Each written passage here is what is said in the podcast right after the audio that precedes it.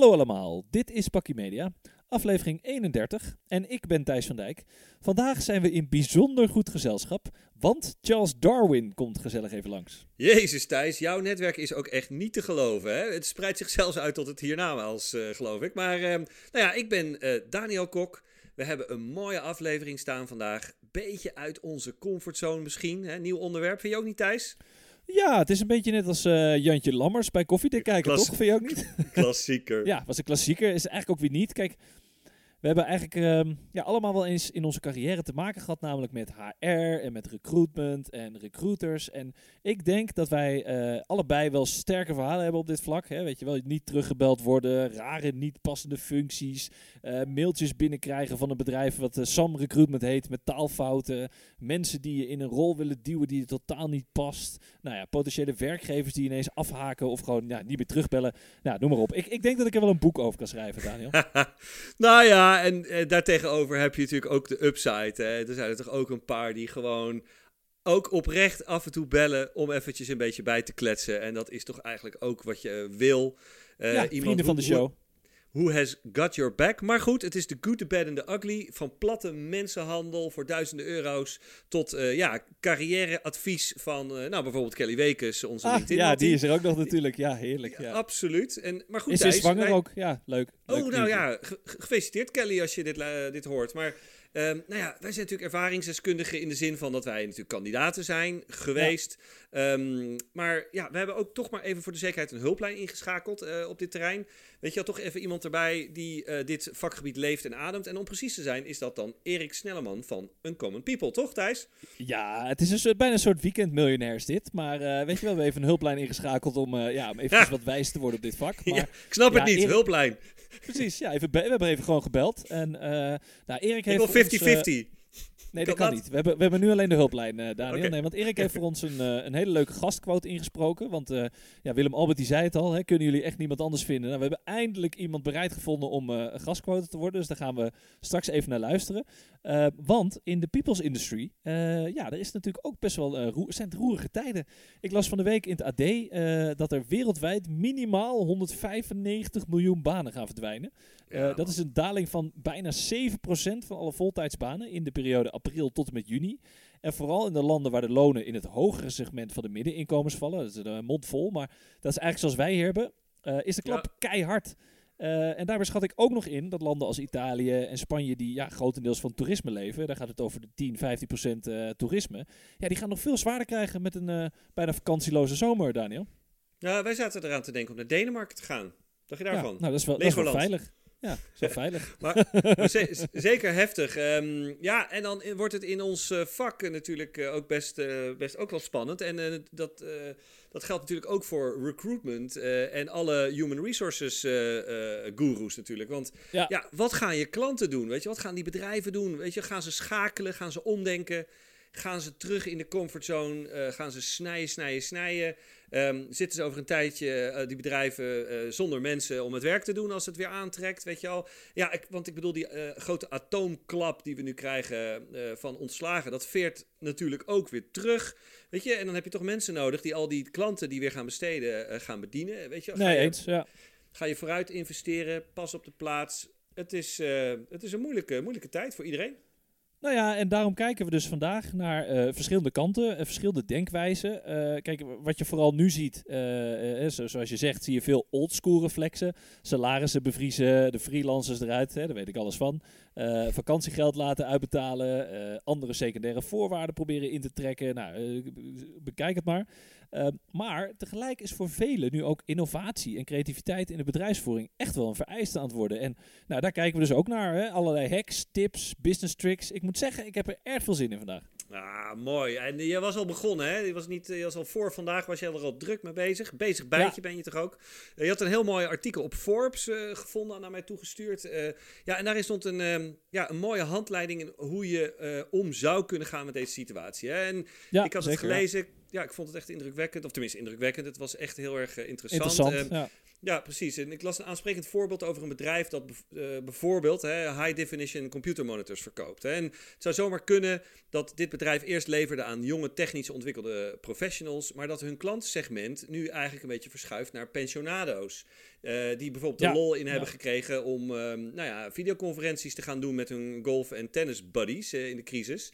En ja, weet je, en deze laatste groep is, is uh, net op iets andere zaken gefocust dan die, dan die jongere groep. Hè. Niet minder op gadgets, minder op dingen als next day delivery bijvoorbeeld. En in plaats, van daarvan, uh, of in plaats daarvan willen ze bijvoorbeeld installatiegemak of bijvoorbeeld uh, gebruiksgemak, grotere letters. En, ja, um, beter ook. Ja. ja, precies. Maar goed, ook al is het misschien een, een, een marginale verschuiving in het product. Um, toch moet dat bedrijf wat dan die monitors maakt, uh, zijn marketingboodschap en saleskanaal anders gaan uh, inrichten. Weet je, andere prijsstellingen of misschien andere leveranciers en andere partners erbij halen. Echt interessant. Ja, heel interessant. En ik, ik uh, stuurde al even naar je door. Amazon in Spanje is daar dus al mee bezig. Die zeggen dus van, nou ja, omdat ze hun eigen next day delivery niet aankunnen, zijn ze dus nu begonnen met, nou, we gaan de app en de website aanpassen om maar minder te verkopen in plaats van meer te verkopen. Vond ik wel een interessante ontwikkeling van een voorbeeld, uh, nou ja, ja. Van, van, van een bedrijf die daar uh, al op inspeelt. Riskant, maar, ja, zeker riskant. En, en wat je zelf al zegt, hè, het, uh, het internet staat nu ineens vol met allemaal zelfbenoemde goeroes. Dus we hebben allemaal nieuwe uh, Kelly Wekers, alleen dan op het gebied van, uh, van corona. Die ineens precies weten hoe je met zo'n pandemie moet omgaan. Nou, niemand heeft ja. het nog meegemaakt in deze generatie, maar we weten het wel. Iedereen heeft dat in drie weken bedacht. Ja, het had zomaar een artikel van mijzelf kunnen zijn natuurlijk. Hè, bedoel, dat... maar goed, Zeker voor het grootste deel uh, vooral gelul. Maar uh, ik moet wel zeggen, er zitten dus wel een paar pareltjes tussen, waar die van Forbes er één van was. Check vooral dit artikel in onze show notes. Uh, wat ik het meest interessant vond, was eigenlijk hun stappenplan. Zij zeggen eigenlijk, begin met deconstruction, dus ontleed je bedrijfsprocessen of je product en ga daarmee aan de slag. Ja, ja, ja en, en sowieso is deze tijd denk ik voor bedrijven een goed moment om eens even naar hun businessmodel of, of mission statement na te denken. Hè? Ja, zeker. Weet je, ja. een, toch een soort reflectiemomentje. Daar is nu toch mooi de tijd voor. Ja, en weet je Daniel, het zal je verbazen hoeveel bedrijven dat dus nog niet hebben gedaan. Hè? Iedereen is met name bezig om de interne workforce uh, uh, ja, op peil te houden en te zorgen dat iedereen zijn werk doet. Maar, en als je dan kijkt naar dit proces, dus we hebben de deconstruction gehad, dan is de volgende stap, vind ik ook wel leuk, imagination. Dus waarin je eigenlijk hmm. met je collega's, je leveranciers en klanten na gaat denken over wat de impact is van, van de veranderingen. En nou, heb je deze fase gehad, dan ga je naar de testfase. Dus dan ga je eigenlijk de verschillende ideeën die er zijn, uh, ja. ga je onderzoeken. Uh, maar daarin moet je natuurlijk wel weer oppassen voor de zogenaamde tunnelvisie. Hè, denk uh, wie is de mol.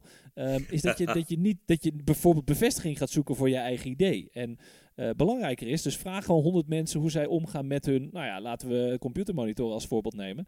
En aan de hand van die feedback kom je dan weer met aanpassingen. Waarbij je naar de laatste fase gaat, dan kom je met je prototype of je minimal viable product, die je dan aan gaat bieden aan een vaste groep klanten. Nou, dat is ja, best ja, ja. interessant, toch?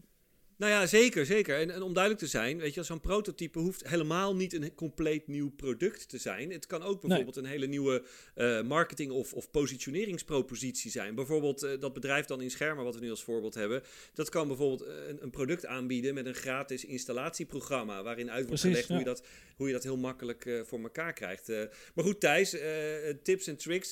het voorkomen van extreme domheid op het gebied van HR en PR, dat is ook niet echt een overbodige luxe. Hè? Want, nee, zeker ja, niet. Nee. We hadden echt een, uh, ook weer natuurlijk het bizarre verhaal. Het is natuurlijk ook al een beetje de ronde gegaan bij onze mediapartner Adformatie, maar bijvoorbeeld ook bij onze oud-collega's van uh, The Brief. Nou, je had het Amerikaanse bedrijf Bird en die maakte elektronische stepjes. En die hebben in één keer 400 medewerkers ontslagen. Weet je al? En dat deden ze dan ja, heel, heel, modern uh, ja, via Zoom. Met een vrouwelijke robotstem die zei van... Uh, you are not one of the people who can stay. Of uh, woorden van die strekking. En ja, joh, dat was echt in het kader van efficiënt re he, reorganiseren 2.0. Het was echt niet te filmen dit. Ja, het was gewoon een soort real-life Black Mirror. Maar wat ik dan wel zat te denken... Het zou mooier zijn geweest als ze dan de stem van Donald Trump zouden gebruiken. Weet je, vanuit de, de Apprentice. Ja. You're fired. Ja. You're fired. You're fired. Ja. 2.0, Daniel. Eigenlijk vind ik dit meer een soort reorganiseren 0.0. We gaan een beetje uh, terug, in de, terug in de tijd. Want ja, zo'n massaal ontslag is toch niet meer uh, van nu. Dat is bijna een soort Noord-Koreaanse toestand aan het worden. Vind ja, dit is echt alsof je een soort hele grote digitale kaasschaaf over je, over je team of over je organisatie heen haalt. En dit, dit wordt zeker. Ja, dit wordt echt geen post-corona-trend hoor. Dat kan ik je echt op een briefje geven. Het is, uh, ja, is trouwens ook heel erg oldschool om dingen op een briefje te geven. Maar goed, um, ja, maar zo, ja, weet je. maar goed, Zoom ligt de laatste tijd uh, ook wel een beetje onder vuur vanwege privacy issues. Toch ook goed om te weten voor de luisteraar. Ja, man. Wat, uh, de, Great Zoom hack lijkt het wel. Hè? De, de bleken wachtwoorden bleken niet goed beveiligd te zijn. En daardoor konden gebruikers elkaars accountinformatie inzien. Uh, de encryptie van berichten werkte niet goed. Dus konden andere berichten worden gelezen. En dan ook nog eens als uh, kerst op de taart stuurden ze de gebruikers door naar, jawel, Facebook. Ja, doodeng joh. Eh, ik, kijk, onze ministerie van Defensie heeft al gezegd... Uh, oké, mensen uh, gewoon niet meer gebruiken die, die shit. Universiteit van Leiden, die, die is ermee gekapt. Maar ook bijvoorbeeld overheidsinstanties van Taiwan. want China die luisterde gewoon lekker mee met al die gesprekken. En ook Google, weet je wel. Nou ja, en als het bedrijven zijn, of tenminste entiteiten zijn... die snappen hoe privacy issues werken... dat is natuurlijk Google en China. Dus ja, dat zegt eigenlijk wel Bizar, eh, bizar verhaal. Maar goed, aan de andere kant, het is wel een app die heel fijn werkt. Weet je? Ik zie het ook in mijn, mijn lessen die ik geef met, met studenten. Het, het werkt gewoon uh, super goed. Maar even terug naar uh, ons onderwerp van vandaag. Het lijkt mij wel echt een lastige tijd ook wel hè, qua, qua recruitment. Want je kan mensen niet echt meer in de ogen kijken. Ondanks dat je misschien digitaal met je, met je headset op zit. Maar ja, via Zoom is dat dus ook wel niet echt meer veilig. Dus voelt het ook een beetje gek. Zo van, nou, ik wil eigenlijk niet gaan solliciteren. Dus ja, dan moeten de gesprekken telefonisch gaan. Of via WhatsApp-video. Of wellicht FaceTimen. Of nou ja, Google Hangout. Hè, dat is best wel interessant. En uh, ik sprak van de week uh, een vriend van de show, Jos Eggink, ook nog. Dat hij het ook een beetje raar vond om telefonisch een soort van sollicitatiegesprek met iemand te gaan voeren. Maar van, nou, wanneer breek je nou in? Uh, hè, wie, wie praat wanneer? Ik, bedoel, ik zie het niet eens. En, en laat staan dat je dus mensen moet ontslaan. Of, of om in te schatten of wat iemand zegt waar is of niet waar is. Maar goed, um, het is denk ik tijd voor onze hulplijn om onze nieuwe vriend van de show en recruiter in hart en nieren, uh, Erik Snelleman, te introduceren en hierover even aan het woord te laten. Laten we even gaan luisteren wat hij hierover te zeggen heeft. De quote die het meest door mijn uh, hoofd gaat, door ons hoofd, is er een van Charles Darwin. zeggen ze tenminste, niet helemaal duidelijk. Maar niks is duidelijk op het moment. Het is wel een hele bekende quote. It's not the strongest of the species that survives nor the most intelligent. It's the one that is most adaptable to change. Want daar gaat het denk ik wel om in de komende maanden en misschien wel jaren. Is hoe gaan we om met deze uh, verandering? Want het zal niet meer zo zijn zoals het was. Uh, maar dat biedt ook volop kansen en opportunities. En de vraag is natuurlijk inderdaad of veel bedrijven zich aan het voorbereiden zijn op die change. Of dat er veel bedrijven, mensen toch gewoon uh, in een soort verkrampte houding wachten op uh, ja, het moment dat we weer terug zijn uh, bij wat het was. Wat niet gaat gebeuren, denk ik. het is ook een heel goed moment, denken wij, om juist nu goed naar je mensen te kijken zijn die geëquipeerd om die verandering te ondersteunen, mee te helpen daaraan? Moet ik misschien met een ander soort mensen gaan werken? Of moet ik mijn huidige mensen de tools geven om die verandering uh, de juiste richting op te krijgen? Dat zijn heel veel vragen. Dus laat ik die uh, vraag aan jullie stellen. Denken jullie dat de bedrijven zich aan het voorbereiden zijn op die verandering? Of dat de meesten toch eigenlijk gewoon wachten tot het weer back to normal is? Jeetje, we hadden Erik wel dit hele bakje kunnen laten inspreken, man. Een goede vraag ook. Uh, ja, ik weet ook niet of daar een heel makkelijk antwoord op te geven is. Um, ik denk dat we op zich niemand hoeven uit te leggen dat de huidige situatie compleet anders is. Um, nee, en nogal wie, nee. Ja, nee, en nogal wie is dat je daar als bedrijf uh, op moet aanpassen. En ja, als er kansen liggen, zoals bij online retail of uh, on-demand entertainment op dit moment, uh, ja, dan moet je nu extra gas geven.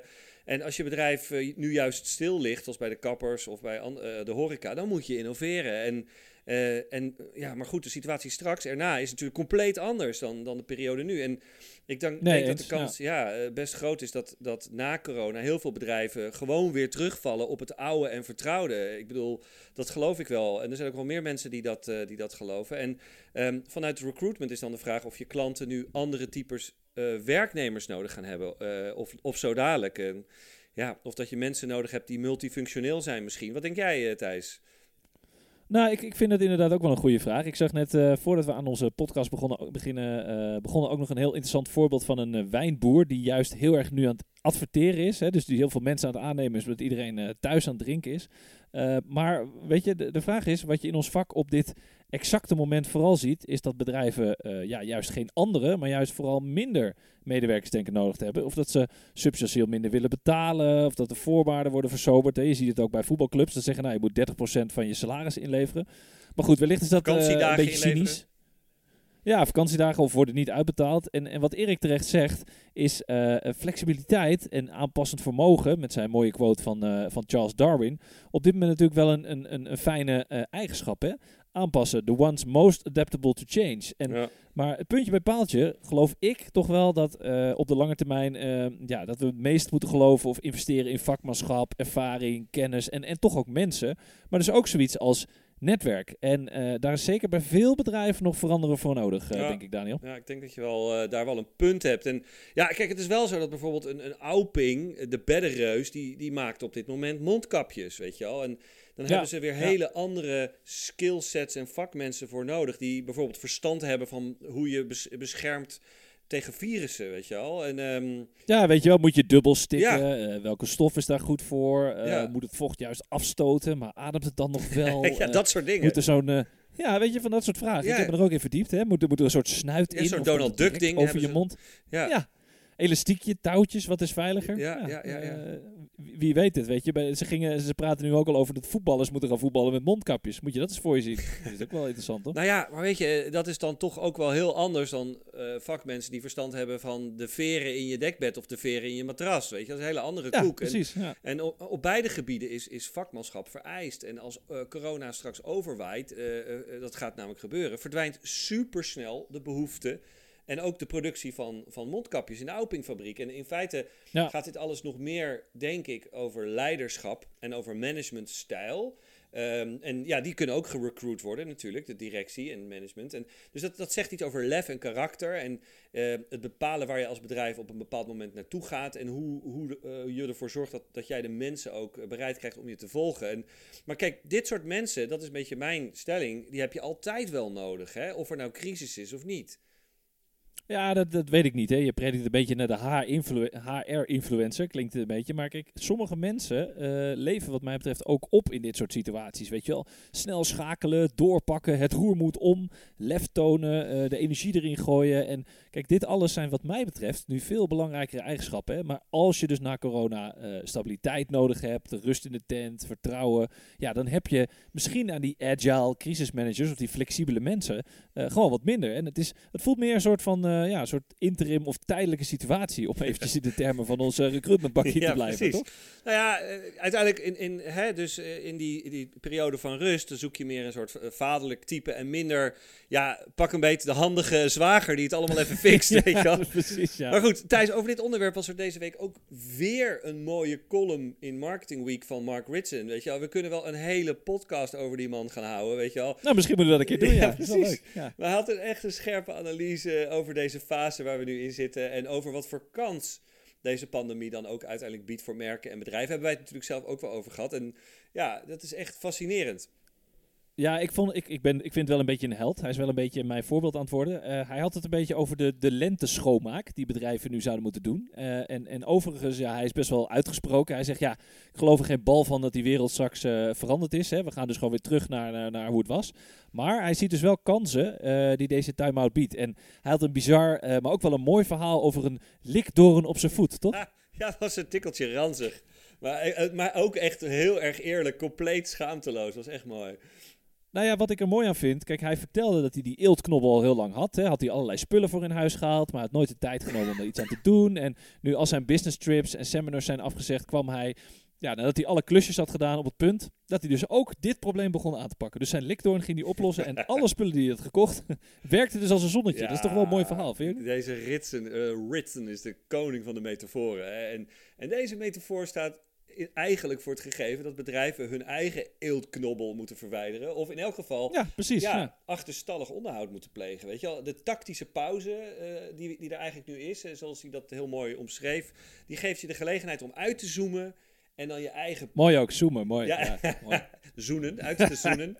en je eigen, zoomen, ja. je eigen business dan eventjes goed onder de loep te nemen. En ja, ja, dan kan je dus kritisch aan de slag gaan, bijvoorbeeld met je merk, met je productportfolio, je marketing, je onderzoek, je data, noem maar op. Weet je wel, je, alles kan.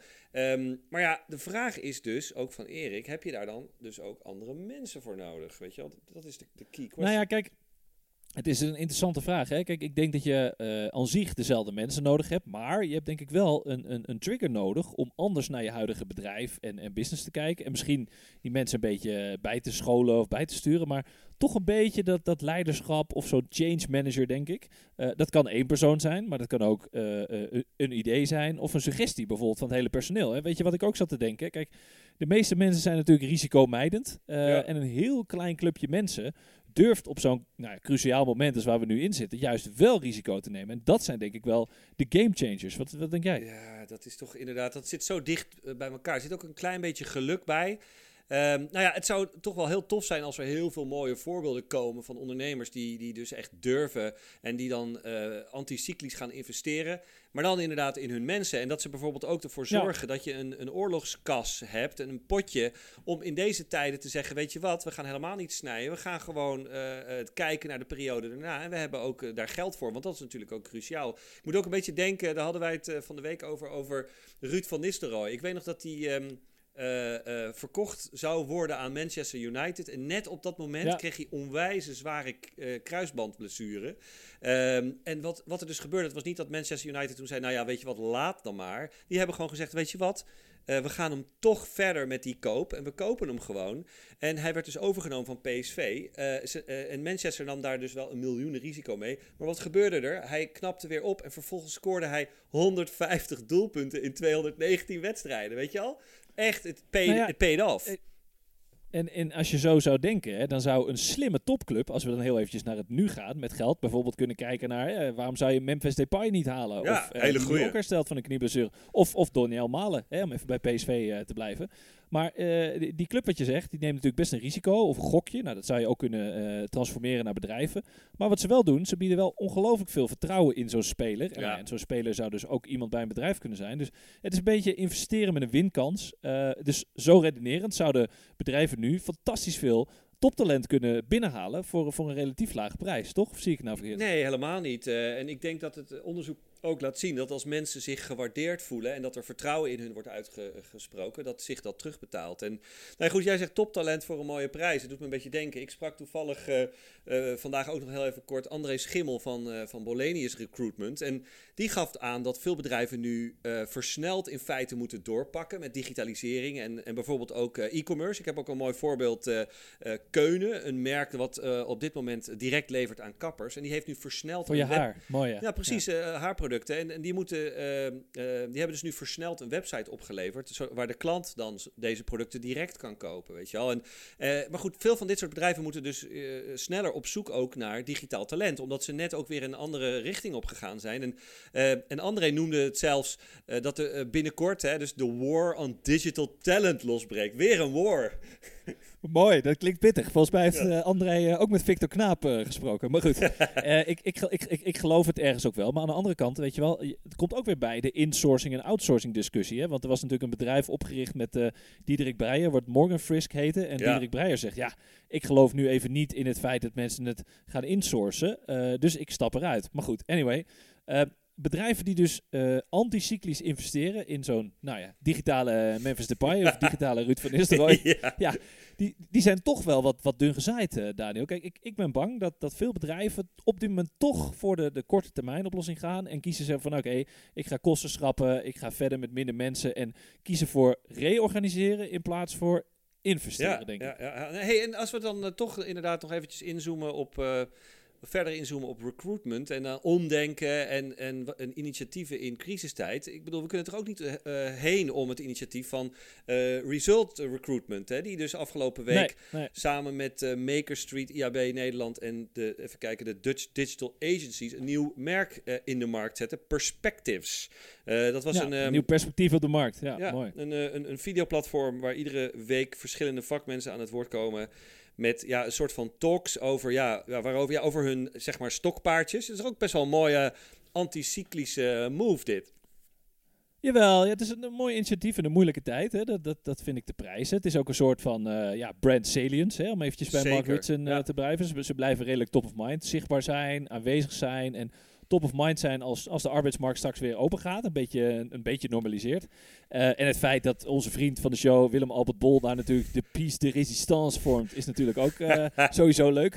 Moet zijn uh, verhaal nog wel kijken, maar ja, dat verhaal kan ik inmiddels wel dromen, denk ik. Ja, nou ja, weet je, kijk, net als jij, ik vind het, van, ik vind het slim, goed getimed, lef. Uh, en nou ja, goed, als ik dan nog een kritische kanttekening uh, mag plaatsen. Ik vond het inhoudelijk nou ja, wel een beetje middle of the road. Ik vond het niet, nee, eens, ja. ja. niet direct heel erg verrassend. En ja, op een of andere manier had ik het, uh, toen ik het aangekondigd zag, het ook wel iets meer activistisch verwacht of zo. Iets meer op de barricade, strijden voor de goede zaak, weet je al. Misschien inclusief talent of zo. Iets in die, uh, in die hoek. Ja, nou ja, weet je, eh, weet je wat het is? Kijk, ik, ik ben bang dat, uh, dat dat misschien een beetje wishful thinking is. Dat, dat in onze industrie de media activisme sowieso wat lastiger is. Hè. Zeker Result wil natuurlijk als, als grootste recruiter in, in Medialand natuurlijk niemand persoonlijk tegen de schenen schoppen. Ik, ik zie het meer als een soort ja, mooi platform voor onze huidige Nederlandse uh, mediagoeroes. En ja, Result faciliteert dit natuurlijk slim voor ze. Hè. Maar goed, nu je het zo zegt. Ja, ik had van Arno Peperkorn ook wel uh, een, een wat inclusievere sprekersclub verwacht. Jij niet? Ja, nou ja, weet je, ik zat ook nog te denken. Ik heb nu inderdaad ook uh, dat lijstje bekeken. En dat is inderdaad wel zo. Maar misschien staan ze verderop uh, in het jaar geprogrammeerd. Dat weet ik niet. Dat moeten we dan maar heel even afwachten. Dus eens. Hey, maar is dat, is dat ook niet iets wat voor ons dan, uh, zo'n videotalk? Ik bedoel, we doen het nu ook met Google Hangout. Je kunt gewoon filmen, toch? Nee, Thijs. Uh, wij kunnen niet uh, zo op onze looks lenen, leunen zoals Willem Albert of Jeroen Verkroost. Hè? Weet je, onze wapens, dat, dat, dat zijn onze satijnzachte stemmetjes, Thijs. Nee, ja, daar heb je een punt. Dat willen we niemand, dat willen we niemand ook aandoen natuurlijk. nou ja, laten jij en ik voorlopig gewoon lekker terug naar onze comfortzone. En ja, weet je, Bakkie was al disruptive voordat de crisis begon, toch? Daniel, je hebt helemaal gelijk gekregen. Dames en heren, het HR-bakkie zit er alweer op voor vandaag. Dit was Bakkie Media dus alweer. Uh, zoals gebruikelijk is deze aflevering terug te luisteren op Soundcloud, Spotify en Apple Podcast. Ook zijn we terug te vinden op de platformen van onze mediapartners, de Adformatie en de Ondernemer. We zijn te vinden op Twitter via @bakkiemedia, op Instagram via @bakkiemediapodcast en ook op Facebook voor onze familie en vrienden. Vergeet niet te liken, commenten en om ons te volgen. Tot volgende week. Hoi.